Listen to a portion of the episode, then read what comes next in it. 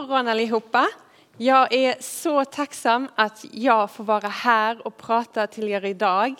Um, ja, för jag har med mig något jag vill dela med er och det är för att ni är min hemförsamling och ni ligger nära mitt hjärta. Så jag vill jättegärna berätta om det som jag har varit med om och det som Gud har lärt mig. Um, och då är det så här att förra september förra året då flyttade jag till Frankrike för att jobba med UMU. Och jag ska berätta lite kort vad UMU är för något. UMU står för Ungdom med uppgift och det är en internationell missionsorganisation som finns över hela världen. Den grundades 1960 av Lauren Cunningham Ehm, och de här baserna finns över hela världen i nästan varenda land och de erbjuder då olika träningsprogram och skolor. Den första skolan som alla börjar med då ehm, kallas lärjungaskolan. Och den är sex månader lång där de första tre månaderna fokuserar på lektionerna. Ehm, och då får man lära sig mycket teoretiskt och praktiskt Ehm, om olika teman. De andra tre månaderna är en missionsresa där man får leva ut det som du har lärt dig.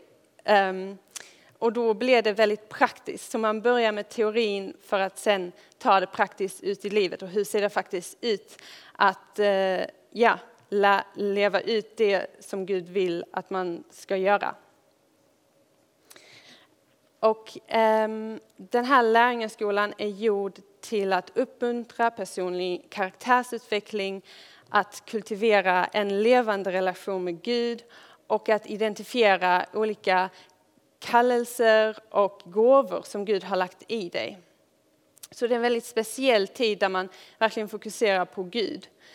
Och jag gjorde en sån här lärjungaskola 2018 i Paris och det var väldigt spännande. Ehm, på min missionsresa fick jag till, åka till Mellanöstern. Och det är ju lite läskigt kanske och jag har kanske berättat även för dig hur det har varit. Men det var där jag fick möta Gud på nya sätt. Det var där han pratade till mig på, ja, an, på andra sätt som jag inte hade hört honom förut. Jag fick vara del av andlig kamp. Och det var där som Gud också kallade mig till Biarritz. Och Biarritz, det är en liten stad i Frankrike där det också finns en UMU-bas. Så efter min lärjungaskola så åkte jag hem, jag jobbade, jag var mycket med familjen för jag hade saknat dem så mycket när jag varit borta. Och jag bad mycket om det här med Biarritz för att det var ju ett väldigt stort steg att flytta hemifrån och inte bara eh, ja, i, inom Sverige utan långt utanför till Frankrike um, och då för två år. Och jag kände att det här var ett sånt stort val, mitt första livsval på ett sätt då. Så att jag ville ha klarhet och jag ville veta att det här var helt rätt. Det här hade Gud sagt till mig att jag skulle göra. Ja. Samtidigt så ville mina föräldrar att jag skulle ansöka om universitet um, ifall att det var något som hände eller gick snett eller så, man vet ju aldrig riktigt. Så jag gjorde det och tänkte inte så mycket mer på det. Um, och uh, jag fortsatte att planera inför Biarritz och bokade flyg och hade liksom fixat och klart och jag visste så säkert att det var dit jag skulle åka. Och då kom dagen, tre, exakt tre veckor innan jag skulle åka och då var det plötsligt att Lund ringde. Oh, alltså, jag kommer ihåg den dagen. De ringde och sa så här, ja, du har fått en reservplats på det programmet som du ansökt till och nu vill vi veta, ja eller nej, ska du ha platsen? Vänta, va? Alltså jag visste ju Berit, men alltså Gud nu öppnade en helt ny dörr. Vad ska jag? Men du var ju så klar och tydlig med Berit och nu helt plötsligt Lund och programmet som jag ville läsa. Jag var helt överrumplad och visste inte var jag skulle ta mig vägen. Så till slut blev det att jag sa ja och vi bokade ett möte någon dag senare. Jag kom hem och jag var helt förstörd. Jag visste inte längre vad jag skulle göra. Jag visste inte längre vad jag ville göra med livet. Jag kände att jag inte kunde höra Guds röst. Um, så det var en dag som var jättejobbig för mig. Och mina föräldrar försökte ge mig råd och ledning och försökte visa mig lite, okej, okay, vart vill jag med livet? Vad är det jag vill få ut av mitt liv? Men det hjälpte inte mig. Jag var så splittrad för att jag kände att världen sa ju det här som är rätt och det som är logiskt är ju att gå och plugga i Lund. Det är ju det man ska göra. Man ska plugga för att sen kunna tjäna pengar och säkra sin framtid. Men så hade jag känt att Gud hade sagt att jag skulle åka till Biarritz och jobba där med ungdomar och ja, lära känna Gud mer. Men jag visste inte riktigt exakt hur det skulle se ut. Um, samma dag så hade jag sen ett tag sen bestämt att jag skulle träffa en kompis. Och då berättade jag såklart till henne vad som hade hänt. Och hon försökte också ge mig lite visdom och råd. Men det var inget som hjälpte heller. Ehm, och I vårt samtal så började vi då prata om andlig kamp. Och det var då det började brinna inom mig och jag fick berätta om vad som jag hade varit med om i Mellanöstern. Om den här andliga kampen som vi hade varit med om och hur Gud hade verkligen talat och tagit oss steg för steg igenom detta. Och då var det att den helige anden påminde mig om att han hade talat till mig om att jag skulle vara med och hjälpa leda lärjungaskolor. Att jag skulle växa i ledarskap, att jag skulle växa ja, i lärjungaskap och vara en mentor åt andra, att leda dem närmare Gud genom det som Gud hade lärt mig. Och då i den stunden så visste jag det är Berit som jag ska till. Det är dit Gud kallar mig. Och då nästa dag tog jag mobilen, ringde Lund och så sa jag upp min plats och när jag la på, det var då jag fylldes av en sån glädje och en sån frid och visste inom mig att det var helt rätt. Och så är det ju i våra liv, att vi har ett val att lyssna på Gud. Vi har ett val att lyda honom, för vi har ju den friheten som han har gett oss. Men det, han talar till oss konstant. Han är alltid där och hans karaktär är oföränderlig. Och det betyder att han kommer aldrig sluta tala. Och han, vi vet att han har talat från början. Han talar ju hela universum till existens. Och det är så fantastiskt. Och då har vi ju ett val att lyssna och att lyda på Gud. Men ibland, eller väldigt ofta, så finns det ju saker som hindrar oss från att höra Guds röst. Och en av de här sakerna hände ju mig i min berättelse just nu att jag kände mig så vilsen att jag inte längre visste vart jag var på väg. Och när man känner sig vilsen, när man inte längre vet vart man är på väg, då är det jätteviktigt att fråga sig själv, vad var det Gud sa sist? Vad var det han ville att jag skulle göra? Och har jag gjort det? Har jag lytt honom i det? Det är en av de sakerna som kan hindra oss när vi inte gör det som Gud har sagt till oss sist. Två andra punkter som jag också vill dela med mig om är att ibland så kan det ju vara så att vi tror att vi inte kan höra Guds röst. Att vi tror att vi inte ens är kapabla till att höra honom. Och det är då vi faktiskt måste omvända och be om förlåtelse för att det inte är så som Gud har skapat oss. Han har skapat oss i relation med honom och vi kan alla höra Guds röst. Så om du tror att du inte kan höra Guds röst, be om förlåtelse. Och eh, så, så kommer jag berätta lite mer hur man gör sen. Men den andra punkten som jag också vill nämna är att vi måste bekänna all oförlåten synd. Så vi låter Gud kolla igenom vårt hjärta och påminna oss om det är något som vi måste be om förlåtelse om. Okej, okay. så de tre punkterna var då att om man känner sig vilsen, då är det viktigt att gå tillbaka. Vad är det Gud har sagt? Har jag gjort det? Den andra är att be om förlåtelse om du inte tror att Gud kan tala till dig. Och det tredje var att bekänna all oförlåten synd.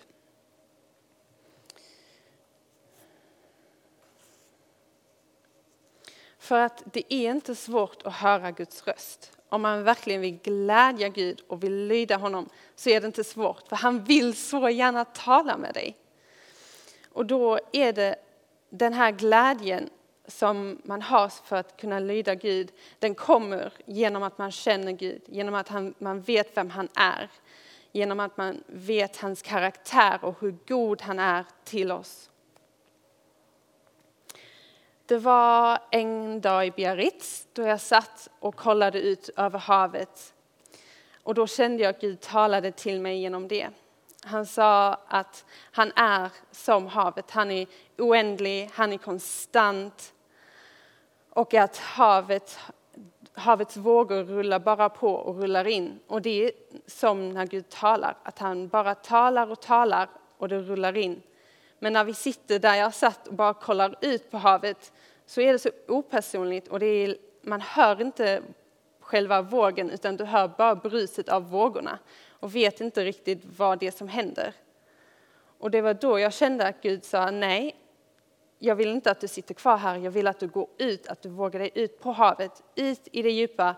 Det är där du övar på att lita på mig, det är där du övar på att höra min röst. Då hör du en våg efter den andra. Det är där du kan följa min röst. Så det vill jag dela med mig. Våga gå ut, våga ta, ta ett steg ut i det läskiga, i det som Gud säger till dig. Ja. Jag har tre andra punkter som jag jättegärna vill dela med mig av. Och de är ganska enkla, men de är så värdefulla och så viktiga Ehm, för att kunna höra Guds röst.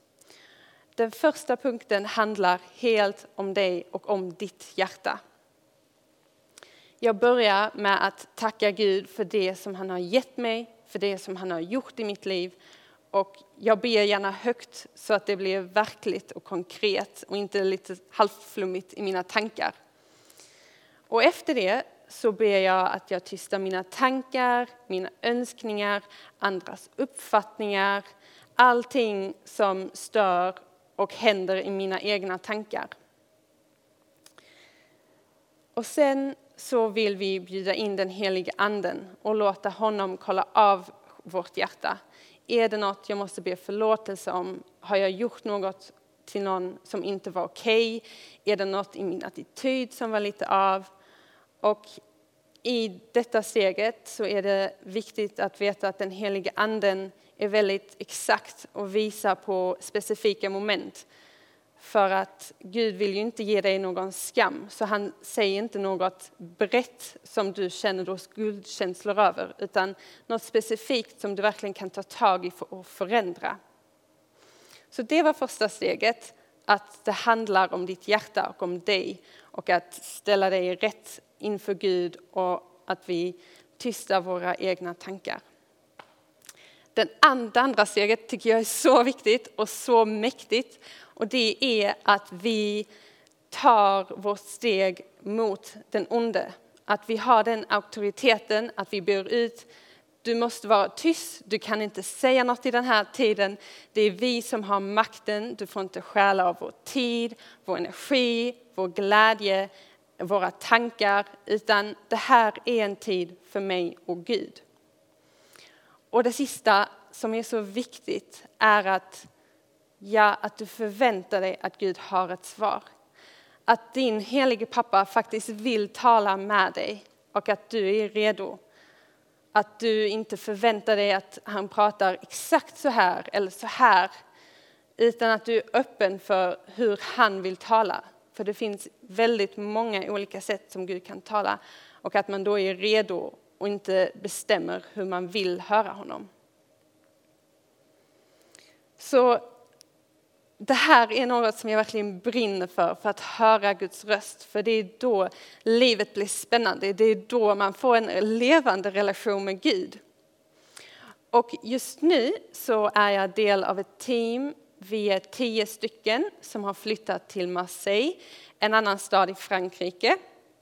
Och vi håller på att bygga upp en ny bas så att det finns ingenting där, utan vi ska bygga upp den här basen själv för att sen kunna driva lärjungaskolor och ha igång andra verksamheter och träningsprogram.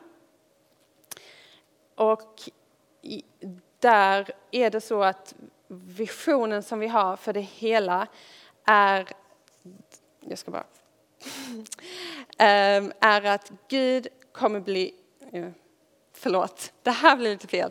Visionen som vi har fått för Marseille är att det kommer bli en stad på berget som kommer lysa starkt när Gud ger återupprättelse till själva staden. Så det här är den riktigt stora visionen som är generationer långt framåt som vi vill se.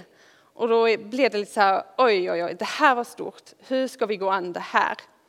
Och det är då vi tar tid med Gud i bön och frågar honom, hur leder du oss?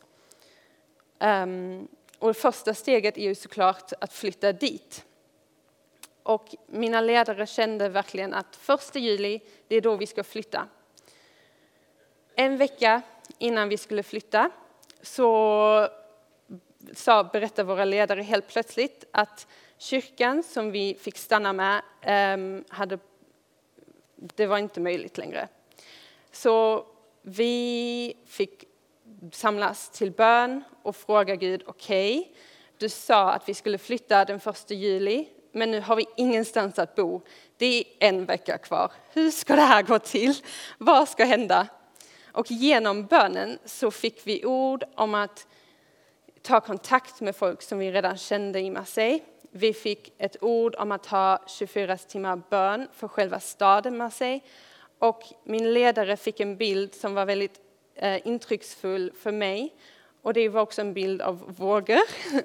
um, men det var bara två vågor. En våg och sen en andra. Och i bön så kände jag att Gud sa att den här första vågen, jag kommer förse er med ett boende någonstans där ni kan landa. Och den andra vågen kommer vara en plats där ni kan slå ner rötter, där ni kan ha ett permanent ställe. Och det tänkte jag, wow, det här är stort. Det här är riktigt stort. För att de som pionerade en ny bas i Paris för fyra år sedan för dem så tog det sex månader att hitta något. De fick flytta runt och flytta runt tills att de efter sex månader äntligen hittade något permanent. Och de var verkligen professionella. Då tänkte jag, wow gud, det här, jag vet inte riktigt hur du ska fixa det, men ja, vi kör på detta. Så tillsammans så hade vi 24 timmar bön för Marseille. Vi fick stora plakat med bilder och ord och det var en fantastisk tid av bön.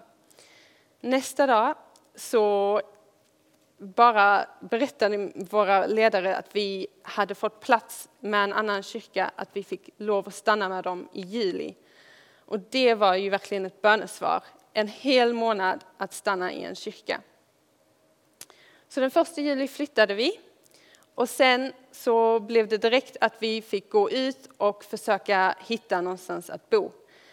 Mina ledare åkte på olika visningar till hus och till lägenheter. Um, och det är, det är väldigt svårt för organisationer i Frankrike att hitta något uh, att hyra just för att Ehm, det det är ingen som står bakom organisationen, ingen fysisk person. Och då är de lite rädda att man inte kommer kunna betala hyran. Så att vi behövde hitta någon som var villig att ge oss en chans. Och då var det en lägenhet som mina ledare kollade på mitt nere i centrala Marseille.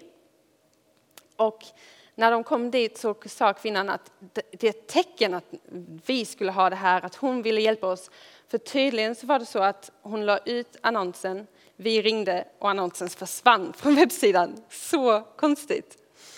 Så att hon ville att vi jättegärna skulle flytta in, men hon var bara delägare. Så att när ledarna kom tillbaka satt vi mycket i bön och bad för det här att det faktiskt skulle gå igenom. Att de andra ägarna också ville ge oss den här chansen. Och det blev så. Vi har fått den här lägenheten och det är helt fantastiskt. Det är ett mirakel och det, när jag tänker på det så är det också bara, alltså jag förstår liksom inte hur det gick till och hur det hände. Och när vi kollar tillbaka så ser vi att genom bön och genom att vi söker Gud så är han med oss steg för steg. Tänk så hade vi sagt, oj, vi kan inte bo med kyrkan längre, då kan vi inte flytta till Marseille. Eller tänk så hade vi faktiskt stannat med kyrkan och bott där till september. Då hade vi aldrig hittat den här lägenheten och haft något permanent. Så att jag vill verkligen uppmuntra er till att söka Gud i det dagliga.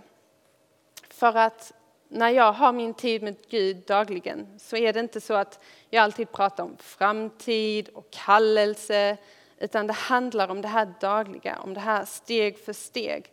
Och att Gud berättar för en att jag älskar dig. Jag är stolt över dig. Det här är du jätteduktig på. Det här kanske du ska be om förlåtelse om. Ja. Och det här temat, att höra Guds röst, det är något som vi alltid kan växa vidare i. Det finns alltid fler saker som Gud vill lära oss. Och det finns så mycket mer som jag kan berätta om, olika saker, om hur Gud talar och ja, höra hans röst och vad jag har varit med om. Men just det här att det handlar om att ha en relation med Gud. Att det är det som är det viktiga. Det är klart att han berättar kallelse och framtid. Men det viktiga är dagligen att du vet att han är där för dig, att du vet att han älskar dig, att han pratar identitet och värde över ditt liv. Och om det är så att du har fler frågor eller vill veta mer om det här temat så får ni jättegärna ta kontakt med mig. Lättast är Facebook. Eller om ni vill ja, ha det här temat i er hemgrupp någon gång så kan jag skypa in eller vi löser det på något sätt. Men att jag kan prata mer om det här, om det är något som du vill söka efter, om det är något som du brinner för och vill bygga mer på. Din relation med Gud, att höra hans röst, att bygga på det dagligen. Ja. Tack så mycket för att ni lyssnar på mig och så vill jag avsluta med en liten bön.